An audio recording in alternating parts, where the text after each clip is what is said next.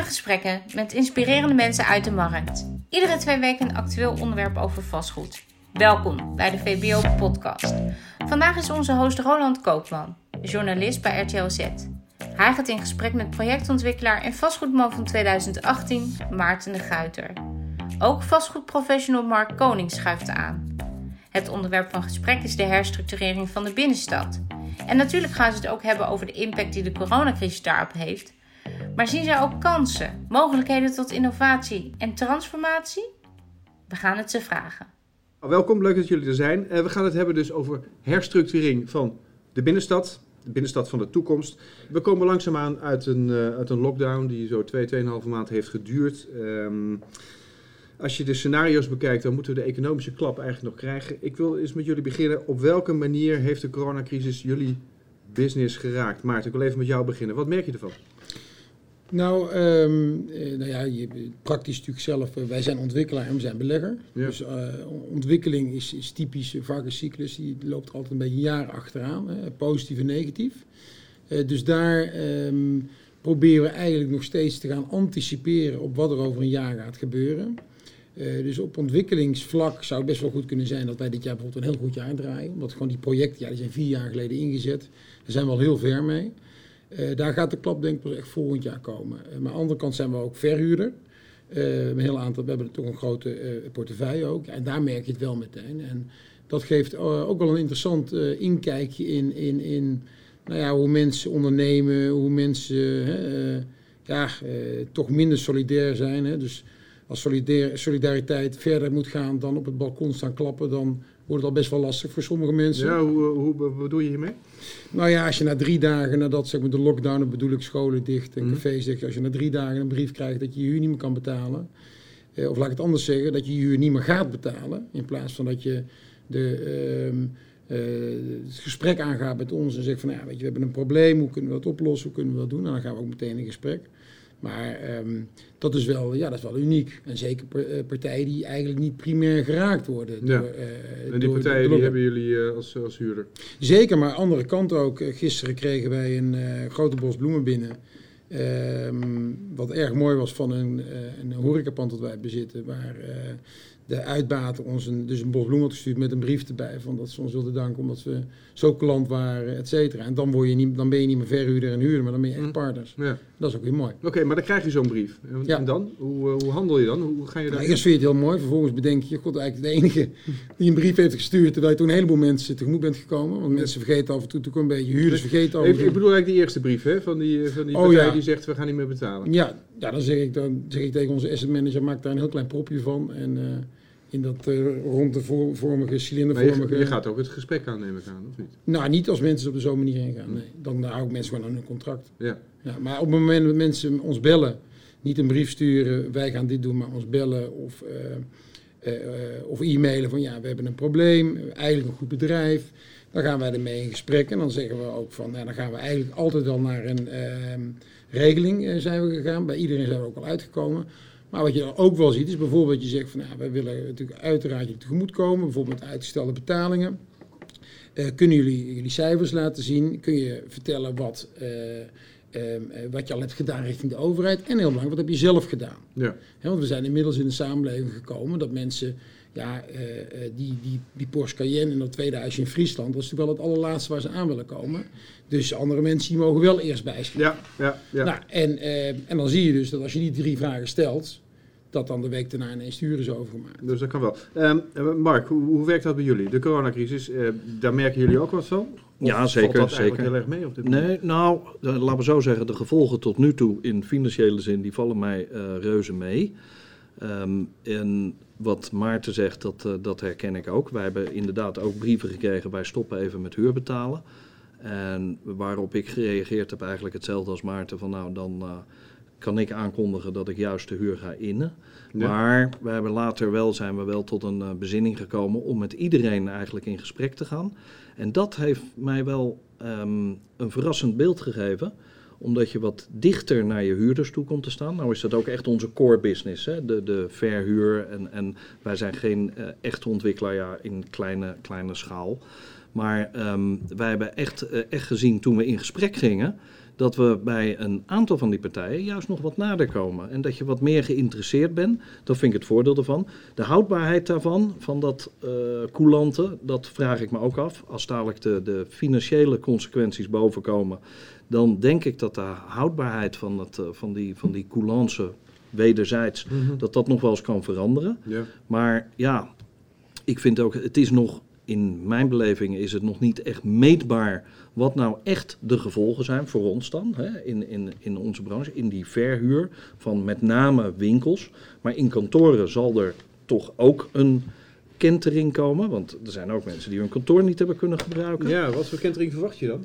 Nou ja, ik verwacht wel. Ik, ik had een, een, een, uh, een, een, een, directeur van een arbodienst aan, de, aan, aan de lijn. En die, die was echt, voor de corona was die voornemens om een, een mooie stap te maken om, om schaalvergroting. En die zegt gewoon van nou nee, hij zegt we zitten gewoon in een systeem van thuiswerken. Hij zegt en eigenlijk loopt mijn bedrijf prima, dus ik denk dat ik misschien naar schaalverkleining ga op, op het kantoorgebied. Mhm. Dus dit is gewoon een signaal. Ik weet niet of dat een maatstaf is, maar het is een, het is een, uh, het is een signaal wat ik krijg. En denk ja, dat zou nog wel eens uh, kunnen. Zelf heb ik over, over thuiswerken. Ik uh, ik ben nog een beetje van de oude stempel. Ik zit liever op mijn kantoor. Ik ben ook nog echt iemand die uh, graag zijn eigen bureau heeft. Uh, ja? Bij de moderne bedrijven. Als Geen flexplekken. Nee, nee. CBRE bijvoorbeeld. ja. Een zeer modern bedrijf, goed geoutilleerd. Mm -hmm. echt, echt modern, allemaal flexplekken. Daar, daar, ja, dat is een nieuwe generatie. Ik ben toch nog wat van de, van de oudere stempel. Mijn eigen bureau, mijn eigen habitat.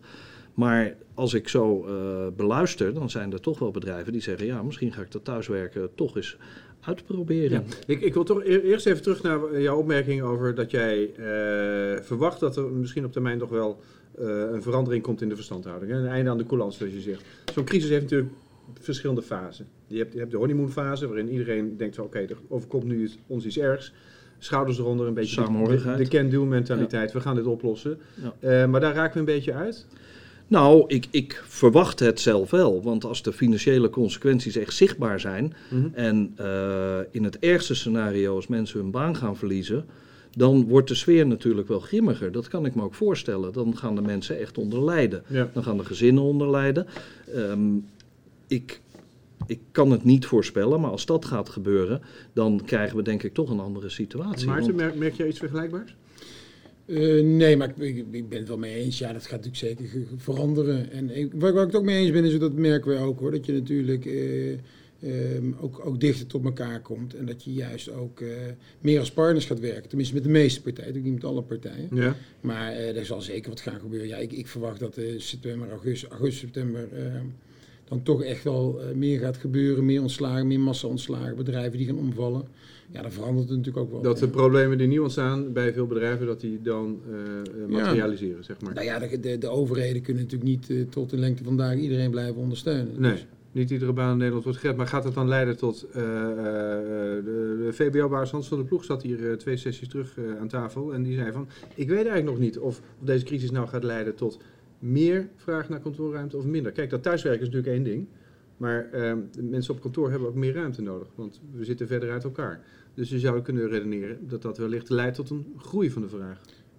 Nou ja, ik denk, uh, als je gaat kijken naar... Er zijn natuurlijk allerlei onderzoeken die elkaar continu aanvullen of tegenspreken. Mm -hmm. uh, maar de uh, anderhalve meter economie waar we een paar maanden mee begonnen...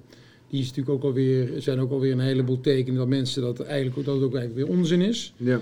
Uh, het, het, het, het, moeten wassen van allerlei spullen. Um, in Amerika zeggen ze, nou, daar is onderzoek gedaan dat het eigenlijk onzin is. Hè, dat, dat, de kans dat je iets krijgt.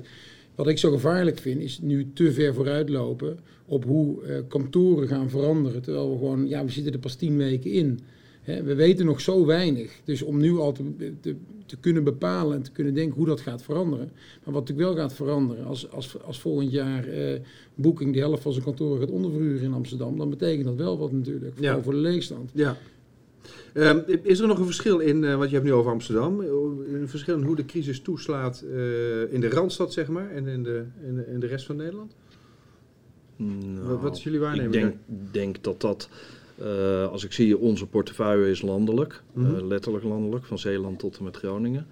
Um, uit alle hoeken komen wel verzoeken en, en aanvragen voor een gesprek of voor een huurkorting of een uitstel. Die, die, dat is nagenoeg gelijk. Wat ik wel bijvoorbeeld hoor, is natuurlijk dat een, een hele populaire straat zoals een Kalverstraat, die leidt er wat meer onder dan, je, dan dat je bijvoorbeeld een wijkwinkelcentrum hebt. Hè? Een wijkwinkelcentrum, wat, wat je ook ziet. Hè? Uh, neem de, komen de, mensen toch wel. Ja, en neem de, de grootgutters, die, die, die, die uh, hebben door de corona-omzetstijgingen zijn daar, zijn daar uh, waargenomen. Zie je ook aan de aandelen bijvoorbeeld van een, van een Ahold. Um, dus die, die, die dingen, het, het, het, het, het, het is wel eigenlijk landelijk dat je uit die hoeken krijgt. Maar het, het heeft ook met de branche te maken. Hè? Met name bijvoorbeeld een, een, een kledingbranche. Die leidt daar veel meer onder dan, dan uh, gewoon convenience. Ja. En maakt het dan nog wat uit of je praat over commercieel vastgoed of uh, bedrijfsvastgoed? Ik denk wel je, eh, bijvoorbeeld als je gaat kijken naar de Randstad van Amsterdam, daar zijn, wonen natuurlijk heel veel experts. En er is heel veel toerisme. Mhm. en ook de horeca is enorm afhankelijk van toerisme in Amsterdam. Dus zie je daar die klap natuurlijk groter is. op die gebieden. Ja. Um, en, en, en, uh, en, en, de woningbouw, uh, want dat laten we nu een beetje, heb ik het gevoel, een beetje langs de zijlijn liggen. Um, die woningbouw die loopt vooralsnog wel door, heb ik de indruk.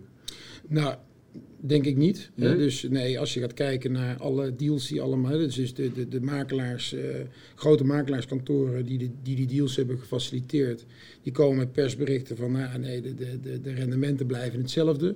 Ja, al die deals die gepubliceerd zijn, dat zijn allemaal deals die vorig jaar in oktober al zijn ingezet. Wij hebben zelf ook recent een, een, een deal gepubliceerd met eh, MN, waarbij wij een, een, groot project in Den Bosch verkocht hebben. Ja, het is natuurlijk heel leuk om die nu te melden, maar die deal is, loopt natuurlijk al heel lang. En wij zelf hebben twee weken dat we in lockdown waren, wij een groot project in uh, Amsterdam op de markt gebracht. Ja, dan zie je gewoon dat uh, zijn we ook niet via een tender gaan doen, wat we normaal wel zouden doen. Ja. En dat is een project waar normaal gesproken alle institutionelen over elkaar heen zouden struikelen. Ja, nu moet je toch echt één op één gaan praten met ze. En uiteindelijk denk ik dat we daar tot een hele goede deal gaan komen. Maar een hele andere markt dan vier maanden geleden. Verandert dat de manier waarop jullie naar de toekomst kijken? Ik kan me voorstellen dat allerlei, allerlei uh, ontwikkelplannen, groeiplannen, scenario's uh, die je had liggen, uh, die, die liggen nu in de prullenbak. Nou, niet in de prullenbak natuurlijk. Um, als, als ondernemer, je moet zorgen dat je natuurlijk, voordat je iets in de prullenbak gooit, dat je het goed uitgekristalliseerd hebt, voordat je daarmee stopt. Want daar ben je ondernemer voor, om te kijken of je toch nog een kans ziet. wat wij wel hebben, Um, wij, wij, wij zijn gewend om uh, te investeren, dus dingen aan te kopen en dingen weer te verkopen. Mm -hmm. Nou, wij merken gewoon, we zaten in een aankoopproces uh, voor wat winkels, waarbij wij uh, een klein beetje, ik wil niet zeggen met de hakken in het zand, maar dat we wat we gezegd hebben van nou, moeten we niet een beetje pas op de plaats maken. En het leuke was dat ook de verkoper op dat moment zei van nou, wij maken ook pas op de plaats. We gaan toch eventjes afwachten wat er gaat gebeuren, want wat Maarten ook zegt, die, die Hosanna die is eventjes, eventjes weg. Ja. En daar hadden we eigenlijk wel op gerekend, die hebben we ook het liefste. Dus nu maken we toch een stukje pas op de plaats. Ja, hoe zich dat gaat ontwikkelen, dat denk ik dat we daar pas over een paar maanden achter gaan komen. Of we die draad weer oppakken, dat we gewoon weer gaan investeren, dat we gewoon weer dingen gaan kopen. Uh, dat uh, ook, ook bij de woningbouwprojecten, dat het gewoon weer doorloopt. Of niet.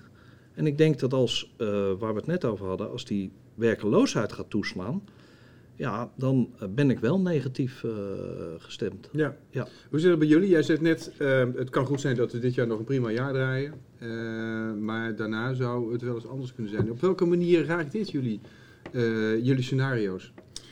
Ja, wij zouden dit jaar en volgend jaar ruim 3000 woningen in de, in de aanbouw zijn gegaan. Mm -hmm. En um, ongeveer 140.000 vierkante meter kantoor. ja, ik ga er wel van uit dat dat uh, um, niet allemaal zo zal gaan zoals we in de scenario's hebben staan. Maar waar het ons precies gaat raken en op welke manier, ja, dat vind ik heel moeilijk te zeggen. Want je, ziet ook nog, je weet ook nog niet de impact op bijvoorbeeld de, de, de, de, bouwkosten. Uh, je ziet ook, wij hebben in de vorige crisis hebben wij heel snel projecten tot bouw en tot realisatie kunnen brengen. Omdat bijvoorbeeld binnen de overheden er ineens heel veel tijd was. Dus ja, er kunnen ook uh, um, um, bewegingen zijn dat wij onze projecten juist wel heel snel kunnen en uh, op een snellere manier tot realisatie kunnen brengen. Ja. Dus ik vind het heel moeilijk. Ik vind het in alles, vastgoed is zo'n ongelooflijk traag iets, zeker als het om projectontwikkeling gaat. Dat ik het ook heel moeilijk vind om daar... Dus wij maken natuurlijk wel allerlei scenario's hè, intern. Maar om nou te kunnen zeggen welke kant het op gaat... Hmm. Ja, vind ik ja, maar daarvoor maak je scenario's, toch? Wat Tuurlijk. Zeggen, wat zeggen die scenario's dan? Nou ja, kijk, het allereerste, week 1 van de lockdown heb ik gewoon gekeken naar mijn eigen bedrijf. Krijgen, hè, hoe gaan wij, gaan wij die, door die crisis komen? Hoe, gaan wij dit doen? Ja, ja en, en, en, moeten wij dadelijk mensen gaan ontslaan? Of hebben wij de afgelopen... Wij bestonden vorige week 12,5 jaar... Uh, um, hebben we 12,5 jaar gewerkt om dadelijk de helft van de mensen naar huis te kunnen sturen. Nou ja, en wij denken nu dat we er heel goed voor staan. Um, we moeten natuurlijk wel die projecten allemaal doorgaan zoals ze nu uh, op stapel staan, dit jaar in ieder geval. Maar wij, vervolgens ga je kijken op projectniveau. Dus je gaat kijken bedrijfsniveau, een bedrijf, mijn bedrijf gaat er doorheen komen. En dan ga je te kijken, kunnen al mijn projecten die uh, vertraging aan? Kan, heb ik, kan een project het aan om vier jaar lang of vier jaar later uh, tot realisatie over te gaan. Ja, daar zitten we nu middenin. Hm. Maar ik ben, ik ben uh, heel erg positief gestemd over mijn eigen bedrijf. Maar niet zo, niet zo positief uiteraard over de economie als geheel. Nee, dat is duidelijk. Maar, maar ik denk dat vastgoedpartijen in vergelijking met de vorige crisis er veel beter voor staan. Dus ik werd binnen één week in de lockdown opgebeld door twee Anglo-Saxische partijen. Die vroegen, nou Maarten, ja, zijn er al uh, uh, mooie kansen op de markt. Kunnen we iets kopen? Kunnen we iets kopen? Ja, nou ja en dat gaat waar, waar de vorige keer door de banken mm er heel snel partijen uh, in, in, in, problemen kwamen. Ja, zie ik dat de komende twaalf maanden echt niet gebeuren. Maar welke sectoren zijn er volgens jullie dan het, het meest gevoelig? gaat dan bedrijfsonroerend goed, retail, juist die woningmarkt waar Maarten het net over had? Ja, ik, ik, denk eigenlijk twee, twee sectoren. In, in, in eerste instantie, uh, de, deze crisis heeft al laten zien dat natuurlijk de, de retailsector al gelijk onder druk komt te staan. Dus dat is gewoon een feit. Maar dat was al zo? Dat, dat was al zo, maar nu zie je toch dat er een aantal ondernemers, met name in de horeca, in de problemen komen en, en uh, alles meer. Dus die retail, dat is één. Ik denk dat, maar dat heb ik net al gezegd, als er werkloosheid komt, dat ook die woningsector daar last van krijgt. Kijk, nu kan het nog zo zijn dat mensen een, een klein beetje koudwatervrees hebben. Dat ze denken van nou, we gaan nog even een periode wachten. Maar de bedoeling is nog steeds om dat leuke huis te kopen. Of hè, dat, dat, dat, die nieuwe woning en, en alles meer. Maar als die economie zich echt uh, gaat bewegen in uh, wat te zeggen massaal ontslagen en, en, en dat soort dingen. Ja, dan voorzie ik ook dat dat nummer twee gaat worden. Maar nu hebben we in Nederland structurele tekorten op die woningmarkt. Die, ja, die blijven. Dat klopt, maar woningmarkt is mijn zinziens nog altijd een uh, inkomensafhankelijke markt. Mm de rente speelt daar ook natuurlijk een, een rol bij. Nou, banken die hebben aardig natuurlijk de, de, de uh, voorwaarden wat, wat aangeschroefd. Dus wat dat betreft staan we er heel anders voor dan in 2008.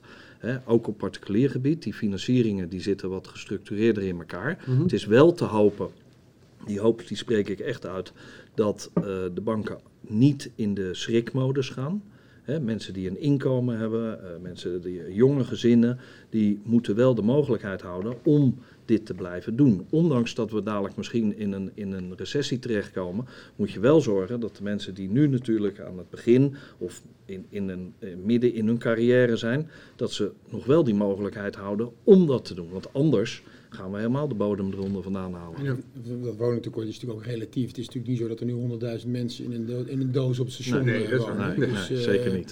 Ik bedoel, ik denk dat mensen gewoon een volgende stap moeten en willen zetten. En dat dat uh, onder andere, en uh, dat, dat huishoudens veranderen. Maar het is natuurlijk niet zo dat we, dat we, dat we morgen alle mensen onder hun rug slapen. Dus ik denk dat als, er, als mensen echt angstig worden voor hun de toekomst op, op, op korte termijn, ja, dat er gewoon een rem komt op dingen. Ja, dat, dat is, maar dat is, en we kunnen iedere keer, wat is zo mooi, want uh, bij de voorcrisis gebeurt ook een beetje hetzelfde. hoor je mensen ook zeggen van, ja nee, maar we moeten gewoon door, uh, geld blijven uitgeven. Ja, dus iedereen zegt tegen elkaar, ja, ik, maar ik zelf doe, ik hou het zelf er bij. Ja, ja, maar jullie moeten wel allemaal je geld uitgeven. Ja. Dat is het beste. Ja, ja natuurlijk is het beste. Maar Iedereen moet geld uitgeven, jij moet sparen. Uh, maar als het gaat om, uh, dat is het thema van, van deze sessie ook, herstructurering van, van binnensteden. Um, uh, ontwikkelplannen erover, visies daarop, um, die komen ook onder druk te staan. Dat is gevolg van wat er nu gebeurt. Zeker. Op welke manier zien jullie dat gebeuren? Uh, nou, als de vraag afneemt, dan uh, zullen de ontwikkelaars, maar wat, wat ik zeg, maar het is natuurlijk een ontwikkelaar, maar mm zullen de ontwikkelaars natuurlijk toch nog wel even achter de oren krabben van ga ik dat doen. Maar ik denk ook dat je misschien de boel weer wat, wat los kan weken door sommige processen wat te laten versnellen. En misschien dat, dat er dan wat, wat, wat meer animo weer voor komt. En dat mensen dan ook weer wat, wat positiever zijn erover. En daar kan de overheid bijvoorbeeld ook een rol in spelen. Ja, maar die overheid heeft straks geen geld meer. Ja, dat is zeker een feit. Dat is zeker een feit. Die overheid, daar moeten we rekening mee houden. Nou, en dan, ja, dan krijg je toch wel een, een, een, een, een vorm van, van stagnatie. Um, en daar moet je wel voor oppassen. Ja. Want dan, dan, gaat de sneeuwbal rollen. Ja, de overheden straks geen geld meer. Internationalisering van steden, uh, grotere steden, heb je over Amsterdam, Rotterdam. Uh, die staat even stil uh, als gevolg van de crisis. dat kan een tijdelijk effect zijn, maar goed, dat weten we niet. Er verandert wel wat. Ja, nou ik denk dat die verstedelijking uiteindelijk toch wel door zal blijven zitten. Mm ik denk wel dat aan de ene kant, wat ik, het voorbeeld wat ik net ook al gaf, is dat eh, de, vorige, de vorige crisis dat we ook eigenlijk sneller konden bouwen. Er was, er was veel meer medewerking vanuit de overheden. Ook, komt ook gewoon door tijd. Ja? Eh, de afgelopen tijd hebben wij natuurlijk heel erg ervaren dat, ehm, dat overheden eigenlijk aan het, echt aan het stapelen waren in eisen bij nieuwe projecten. Nou, dat zal allemaal wat afnemen. Je zult echt met elkaar moeten gaan zitten. Hoe krijgen we projecten nog gedaan? Dus je denkt dat het makkelijker wordt om met overheden samen te werken? Nou, dat denk ik wel. Ik denk wel, omdat de overheden zullen ook zien van ja, die, die aantal projecten die er zijn, ja, die willen we wel uh, van de grond krijgen. En uh, ik ben er ook niet bang voor dat die, al die projecten ook daadwerkelijk uh, verkocht of verhuurd gaan worden. Ja, maar dus daar ben ik helemaal niet bang voor. Een gemeente zonder geld die zal nog moeilijker zijn grond gaan verkopen. Nee, maar ik bedoel, het gaat erom, wij, als ik ga kijken naar locaties die wij al in bezit hebben, mhm. maar die bijvoorbeeld heel langzaam tot ontwikkeling komen door de samenwerking met overheden, ja, dat zal nu allemaal veel sneller gaan. dus ik bedoel, de overheid wil juist dat er wat gebeurt. Die willen niet dat het tot stilstand komt. Daar heb ik niet, daar heb ik niet geld voor de overheid van nodig. Sterker nog, wij betalen aan de overheid als we gaan ontwikkelen. Dus uh, voor hun is het welkom.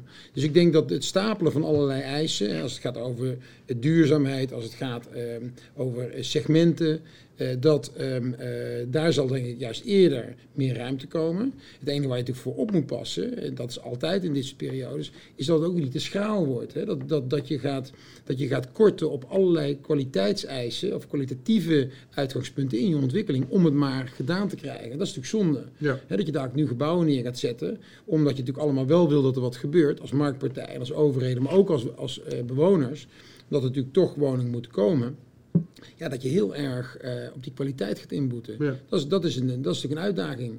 Want dat is natuurlijk vaak waar je natuurlijk toch op... Je, er moet dan op een gegeven moment gekort gaan worden. En, en kunnen jullie nog een onderscheid maken tussen wat er in de Randstad gebeurt... en wat er in de regio gebeurt? Of moet je onderscheid maken in uh, de wat meer historische steden en de wat meer jonge steden? Zeg Amsterdam, Almere.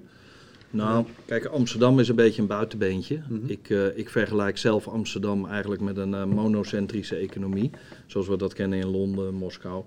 Uh, dat heeft, hebben we ook gezien eigenlijk in de crisis. Hè. Amsterdam, het prijsniveau is enorm gezakt, maar het heeft natuurlijk een enorme sprint naar boven gemaakt. Ja. Dus die stad die verhoudt zich een ietsje anders. Maar we hebben ook um, Zutphen, we hebben ook, ik bedoel, er zijn meer historische steden in Nederland. Ja, dus, uh, nou ja, dat, dat soort steden die zitten niet in de slipstream, maar daar, daar zie je toch ook wel dat soort bewegingen. Ja, ja, ja.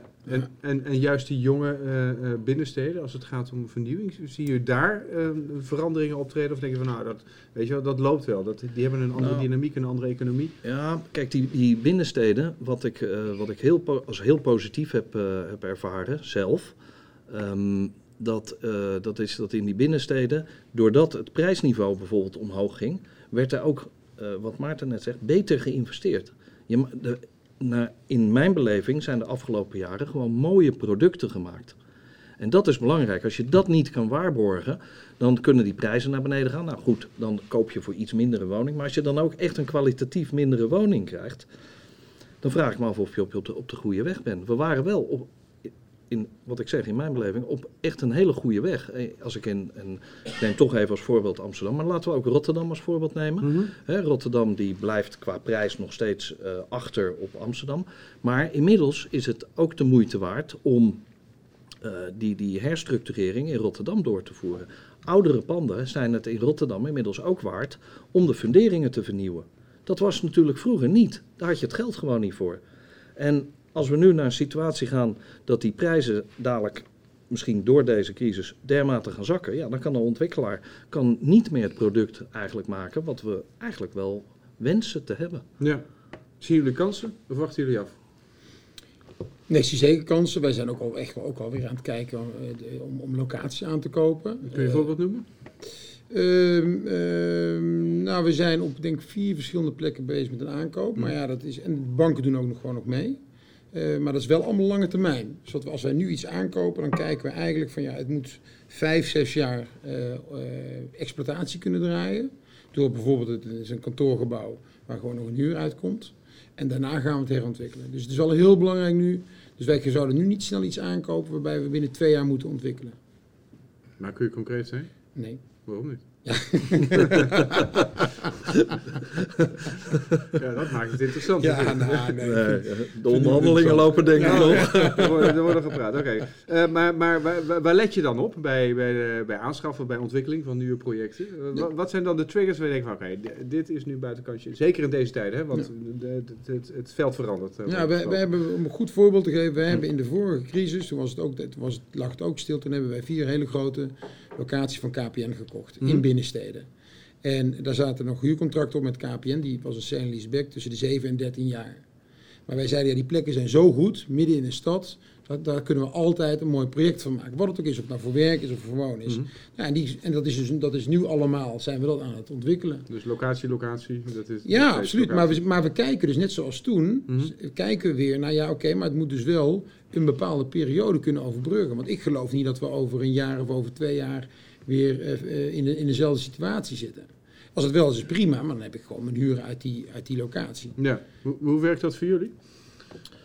Ja, wij kijken uh, eigenlijk, wij zijn uh, natuurlijk kleinschalig. Uh, wij kijken wel eigenlijk, wat, wat is, de, wat is onze exit? Daar wordt heel erg naar gekeken. Hè? Als je je bedrijf aan het opbouwen bent, dan neem je eigenlijk meer risico's als dat je neemt als je langer bezig bent. En nu hebben we zoiets, als we iets aankopen, dan kijken we van ja jongens, wat is de exit? Mhm. wij, wij, kregen, om, om, om een voorbeeld te geven, wij kregen uh, mooi onroerend goed, prima onroerend goed, convenience, supermarkten kregen we aangeboden, maar het lag in Noord-Groningen. En daar zeggen we van, van ja, alle, alle ingrediënten waren goed. De ontwikkelaar had zijn nek uitgestoken, een, mooi project, het zag er keurig uit. Maar dan gaan we op kantoor zitten en dan gaan we kijken van oké, goed, het rendeert goed, het is dan prima, maar nu willen we er ook nog eens een keer vanaf. Nou, en dan zeggen, zeggen we toch van ja, dat weegt bij ons tegenwoordig steeds sterker mee, de exit. De exit kan ook zijn een transformatie. Mhm. Dat kan ook. Het hoeft niet alleen op verkoop te liggen, maar een transformatie kan je er nog wat mee. Nou, dat is belangrijk en, en zeker, wat ik net zeg, hè, Amsterdam is een vreemde eend in de bijt. Maar als je in, in de landen gaat kijken waar wij veel rondlopen en, en ook graag kopen en doen, zijn dat wel uh, sterkere punten geworden waar we gewoon op letten. Maar zie je dan locaties in binnensteden juist als een groter risico of juist als een grotere nou, kans? Het, het, is, het is, ieder, iedere locatie heeft weer zijn uh, heeft eigenschappen. En, en uh, dat is gewoon per object moet je dat gewoon bekijken. Een, een kantoor. Een kantoor uh, kan uh, ook in, in, in Apeldoorn of in Zutphen, maakt niet uit, kan een kantoor ook goed zijn. Alleen wij kijken dan nu echt van waar ligt het? Wat kan je ermee? Is het strategisch goed? Nou, en dan maken we die overwegingen. Ja. Dus, en dat doe je nu meer, en dat gaan we denk ik nog steeds meer doen, dan dat je dat vroeger deed in de keuze van een aankoop. Vroeger keek je natuurlijk meer naar rendement. Als er geen gevaar is in de markt dan kijk je gewoon naar het rendement en denk je, nou, dan komt er wel een nieuwe huurder voor. Nu hebben we zoiets van, ja, maar als die huurder niet komt, wat gaan we dan doen?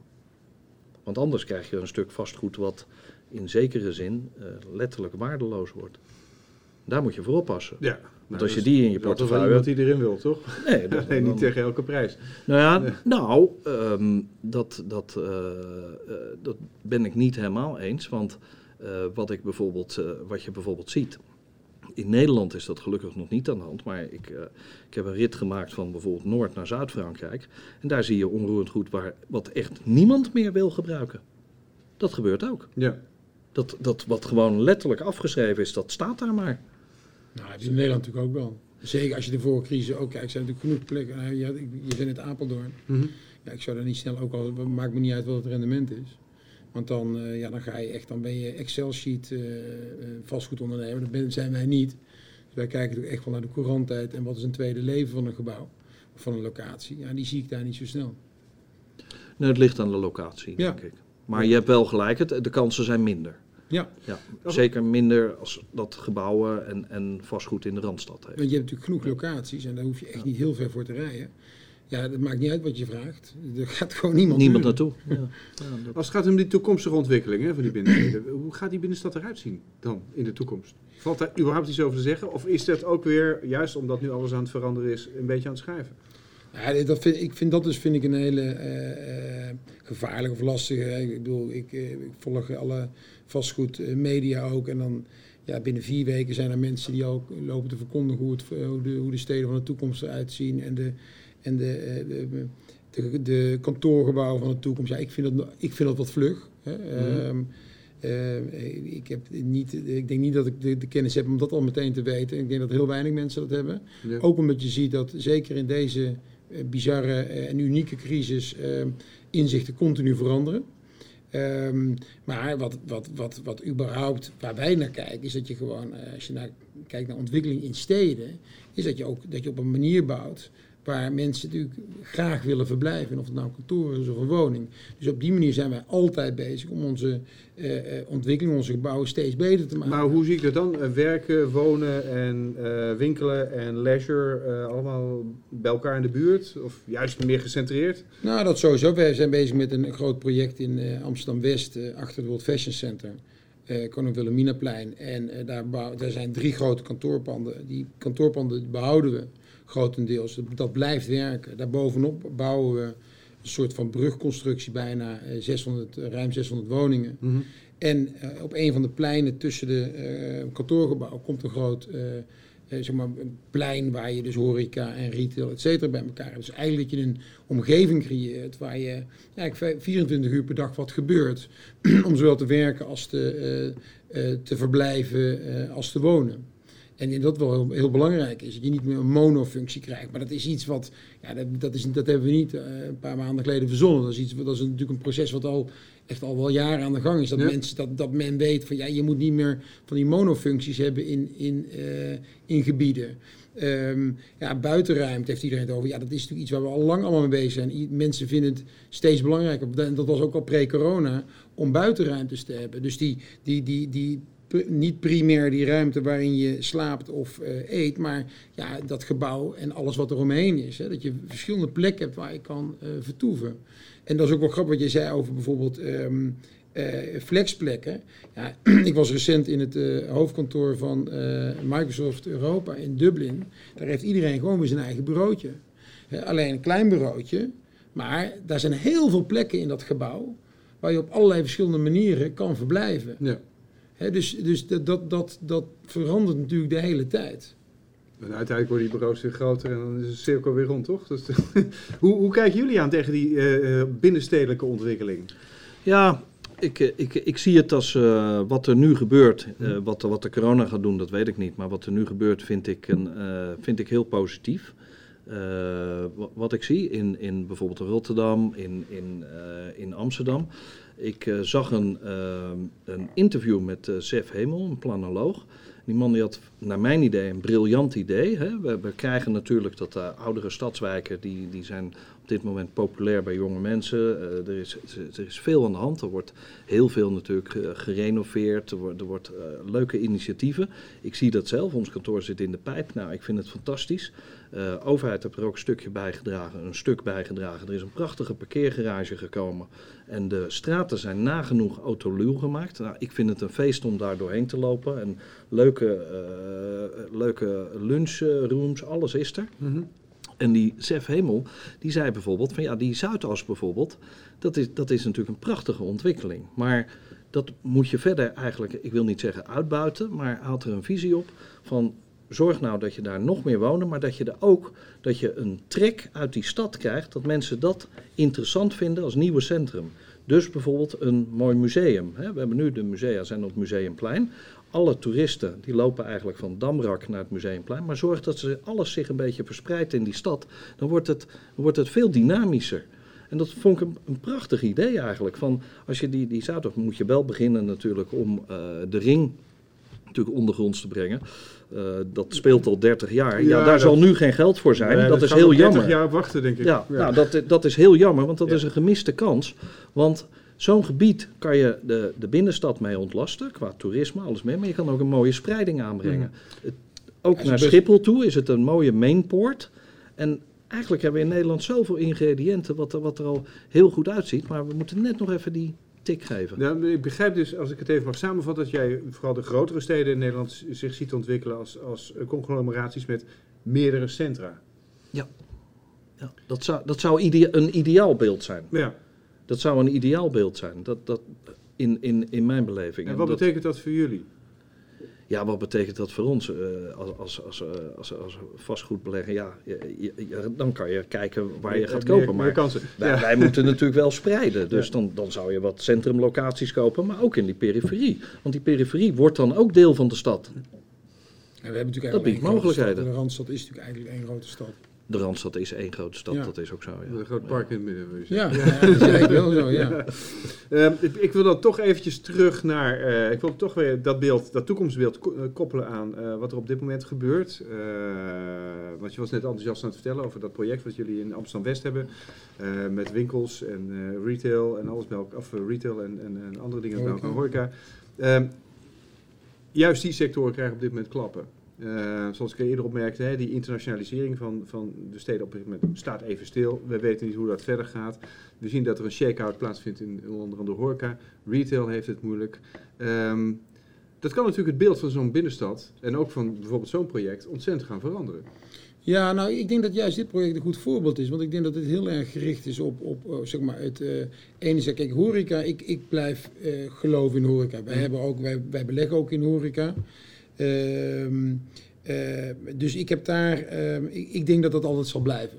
dit is een eh, exceptionele crisis eh, die, die we gedeeltelijk onszelf aandoen. Ja. En ehm, die horeca die zou natuurlijk, die wordt veel te rigoureus gestraft door onszelf.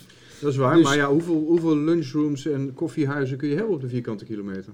Nou, ik denk dat horeca in zo'n project die enorm gericht is op de, de bewoners in de directe omgeving en op de kantoren in directe omgeving, dat is natuurlijk iets anders als horeca en een centrum die gericht is op uh, toeristen, die er misschien toch de komende twaalf maanden niet gaan komen. Dus ik denk dat daar een groot verschil is. De, de, winkels die in zo'n centrum komen, die zullen toch, zijn veel meer gericht op ja, uh, een buurt super voor de, voor de mensen in de directe omgeving. Dus, dus daar zie ik het probleem minder. Ik vind ook Ehm, in deze crisis worden natuurlijk heel veel dingen erbij gehaald. Als we naar retail kijken, ja, er zijn ook gewoon natuurlijk uh, um, retailers, er zijn formules, en die krijgen gewoon nu het laatste zetje. Daar moeten we niet zo moeilijk over doen. Die gaan al jaren heel slecht en die krijgen nu het laatste zetje. En die moeten we vooral niet met man en macht in leven proberen te houden. Vind je dat ook? Ja, daar ben ik het wel mee eens. Want het heeft ook consequenties voor wat nee, het heeft, ernstige, het, heeft, het, heeft, het heeft ernstige consequenties. maar dat is alleen maar uitstel. Dan kun je, ik bedoel, dat, daar kun je het niet mee eens zijn, maar... Dat, Kijk, vijf, vijf, jaar geleden stond er in de krant van uh, waar moet... Uh, vonden de tekst nou niet zo uh, passend. Waar moet Jan Modaal nu zijn spullen kopen? Dat ging over het faillissement van Vroom en Dreesman. Maar hij kwam er toch al niet meer. Ja. Dus, Want anders was Vroom en Dreesman niet failliet gegaan. Welke kansen biedt deze uh, Ik heb dezelfde vraag al op een andere manier gesteld, maar ik wil hem graag nog een keer stellen. Welke iedere crisis is een kans, toch? Ja, dat is, dat is wel een beetje de positieve inborst van mensen, om dat altijd maar te roepen in een crisis. Nou, je bent er niet meer eens. Nou, het is een beetje als dat mensen die tegen mij uh, zeggen van... Uh, nou, is toch ook eigenlijk wel lekker, hè? En we, ja, we waren toch al zoveel aan het reizen. Zeg, ja, dan moet je zeggen tegen die 30.000 mensen die bij Schiphol dadelijk geen baan meer hebben. Weet je, ik vind, of, of de overheid die nu ineens zegt, die nu ineens zegt van ja, eigenlijk wordt er toch veel te veel gevlogen. Nee, dan moet je niet zeggen als je in een crisis zit alsof het wel goed uitkwam. Dat is natuurlijk gewoon bullshit. Dan moet je dat van tevoren, dan moet je een plan hebben. Dan moet je van tevoren zeggen, we vliegen te veel. Mhm. Maar dat is, dat is denk ik een beetje mens eigen. Maar dus een, een, een, primair een crisis waarvan de verschillende partijen zeggen dat dit de zwaarste wordt in 100 jaar. Ga, ga, ga ik niet van zeggen, ja die biedt allemaal kansen. Ja, eh, kijk, mijn bedrijf staat er goed voor ongetwijfeld zal ik straks, uh, zal er een moment zijn dat ik investering kan doen die ik anders niet had, had, kunnen doen. Maar zo kijk ik het toch niet. Ik kijk er wel vanuit een maatschappelijk oogpunt naar en denk ik dat dit toch een hele zware tijd gaat worden. Ja. En als je dan, uh, lukt het jullie om over de crisis heen te kijken? En zo ja, wat zie je dan?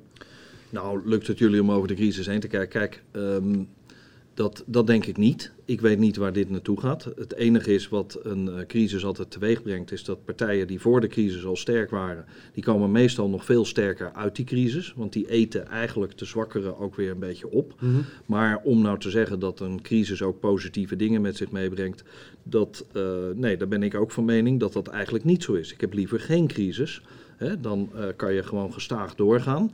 en eh, zonder dat je die, die dip erin krijgt, die onzekerheden. En met name voor werkgelegenheden en, uh, werkgelegenheid, sorry, um, vind ik dat gewoon heel erg belangrijk. Want uiteindelijk, waar het om gaat in de wereld natuurlijk, is dat iedereen welvaart en welzijn heeft. En een crisis helpt daar, draagt daar niet toe bij. En, en ook niet in het welzijn. Als er inkomens wegvallen hè, en mensen komen toch in, in geldnood, dat is erg vervelend. Ja. Dus een, een, om een crisis positief, ja, als je natuurlijk uh, een, een zak met geld hebt, dan komen er opportunities. Dus dat, dat, is, dat is gewoon waar. Dat is een feit. Maar daarmee maak je wel de sterkere partijen eigenlijk sterker. Maar het gaat ook ten koste van, uh, van andere mensen. En dan moet je oppassen dat als dat persoonlijk wordt, dan, uh, dan kan dat nog wel eens een negatieve impact hebben. Ja. Over persoonlijk gesproken, welke aspecten vinden jullie persoonlijk belangrijk bij de ontwikkeling van de herontwikkeling van binnensteden?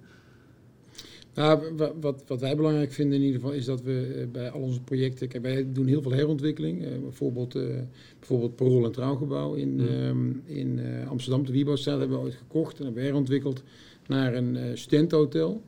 Um, dus daaruit leren wij, dus, dat doen we nog steeds als we dingen, maar we leren dus ook dat als wij nieuwe gebouwen neerzetten, dat we zo adaptief mogelijk bouwen. Dus dat we gebouwen neerzetten die ook in de toekomst, wanneer steden veranderen, ook mee kunnen veranderen. Dat je niet weer een kantoorgebouw, wat puur als een kantoorgebouw is gebouwd, met heel veel energie, um, moet ombouwen naar een hotel of een woonfunctie. Dus ik denk dat we um, steeds meer zullen leren om, om gebouwen neer te zetten die veel makkelijker in tweede leven. Dus bijvoorbeeld uh, parkeren niet onder de grond, maar uh, eigenlijk je hele gebouw zo maken dat uh, al, het eigenlijk allemaal kantoorvloeren zijn, behalve twee vloeren zijn nog parkeren. Zodat als de, die parkeer uh, vraag nog minder wordt, dat je die heel makkelijk om kan zetten naar mm. bijvoorbeeld kantoren. Ja, ja. Kantoren neerzetten die je veel makkelijker om kan zetten naar uh, woongebouwen. dus dat is denk ik al een, een hele andere mindset. Hè? Dat, je moet een gebouw neerzetten, nou ja, bijna zoals de grachtengordel is neergezet in hindsight, ja, die heel makkelijk kan mee veranderen met de vraag. Ja, duurzaam. Ja, zeer duurzaam. Ja, ja. ja. Als, als het gaat om jouw ambities, maar Kwaliteit vind ik heel belangrijk. Mm. Vind ik ook bij, bij uh, uh, wat, je, wat, je, wat je nu gewoon ziet. Hè. Het is mooi dat oudere wijken worden, worden beetgepakt. Maar let vooral op de kwaliteit. En dat, uh, dat vind ik heel erg belangrijk. Daar hoort daarmee, ook een hoger prijsniveau bij. Nou, dat is nou net het punt. En daarom zeg ik zo'n crisis. Ja, eigenlijk is die crisis die, die heeft weinig positiefs te bieden. Mm -hmm. Want als we nou dat prijsniveau kunnen, kunnen handhaven. Kijk, het is, het is bijvoorbeeld in die, in die binnensteden kleine ontwikkelingen. In de, in de, in de binnensteden daar zie je eigenlijk, eigenlijk, uh, eigenlijk zelden grote namen. Een, een Heijmans uh, of een Condor Wessels, die kom je weinig tegen in die kleine ontwikkelingen. Dat wordt eigenlijk gedaan in een niche-markt. Dat zijn jongens die, die, die, die de stad kennen. Dan praat ik echt over kleine ontwikkelingen. Uh, acht appartementjes, tien appartementjes. Daar praat ik over dat soort ontwikkelingen. Maar belangrijk is dat die, die, die jongens, dat zijn dan de stadkenners, die, die lopen in iedere stad rond. Uh, dat maakt niet uit. Die moeten wel de mogelijkheid hebben om ook een leuk product te maken. Die willen natuurlijk verdienen. Maar naarmate die prijzen hoger zijn, zijn ze ook bereid om een wat leuker product te maken. En dat vind ik heel erg belangrijk. En dat zie ik, uh, als deze crisis zich echt doorzet, dan, dan gaat dat verloren. Zit ook in je inkoop ook? Die jongens, Zit ook in je die jongens kopen te duur in en willen te veel aan verdienen. Ja, ja, dat klopt ook. Je inkoop is ook heel erg belangrijk. Dus nu Misschien dat de crisis wel teweeg brengt dat de inkoop wat lager wordt. Nou, dan heb je ook weer op een andere manier creëer die ruimte. Maar als je mij vraagt van wat vind jij belangrijk in, in die, in die, in die uh, vernieuwing van die binnensteden, dan uh, vind ik kwaliteitsniveau vind ik belangrijk. Ja. ja. Welk, uh, wat, welk droomproject hebben jullie nog? Jeetje. Jee. Nou, dan, nou. dan betekent dat jullie geen droomproject hebben. Is je ja, zo lang? Ja. Ik ben al met een aantal droomprojecten bezig. Zoals? Nou, een, een, hele mooie nieuwe ontwikkeling op de, op de Schinkel bijvoorbeeld in Amsterdam, aan, aan de Ring. Mm. Uh, Ringpark aan de Ring in Amsterdam. Dat vind ik al, ja, dat, dat zijn een grote uitdagingen. Ik heb niet uh, hele specifieke dingen waar ik per... Ik vind, wij, wij, doen ook hele kleine projecten die ik ook heel leuk vind. Weet je? Ik bedoel, dus ja, ik vind alles... Uh, Uh, maar ook kwaliteit. Zegt, hoe kun je weer iets nieuw leven geven op een kwalitatief goede manier. Maar dat het ook weer voor de komende honderd jaar er staat. Ja, ik denk dat ieder project wel zijn uitdaging heeft. Hoe gaat dat voor jou? Ja, droomproject, droomproject. Wij zijn natuurlijk niet uh, een, een, een, echte ontwikkelaar, maar je droom is natuurlijk toch, uh, dan kom ik weer terug, locatie, locatie, locatie, dat je het toch eens een keer in je portefeuille echt een landmark uh, kan, kan aankopen. Echt, echt iets bijzonders. Hè, dat kan, en dat maakt niet uit, dat hoeft niet specifiek bijvoorbeeld in Amsterdam te zijn, maar je hebt diverse landmarks. En dat is voor een voor een vastgoedman is dat natuurlijk wel leuk. Alleen je moet daar heel erg mee oppassen natuurlijk. Dat landmarks die zijn natuurlijk extreem duur. Dus uh, wij hebben ons bedrijf om uh, van te leven. Ja, er is ook altijd een verschil tussen, tussen vastgoedmensen en beleggers. Wij zijn eigenlijk geen belegger, wij moeten ervan leven. Dus ik denk dat ik dat landmark nog maar even uit moet stellen. Goed. Heren, ik dank je wel. we vliegen door de tijd heen. We zijn alweer drie kwartier voorbij. Eh, we gaan afronden, want omwille van de tijd ook. Eh, ehm, en eh, u heeft uh, vast ook nog andere bezigheden. Ik dank jullie voor je komst.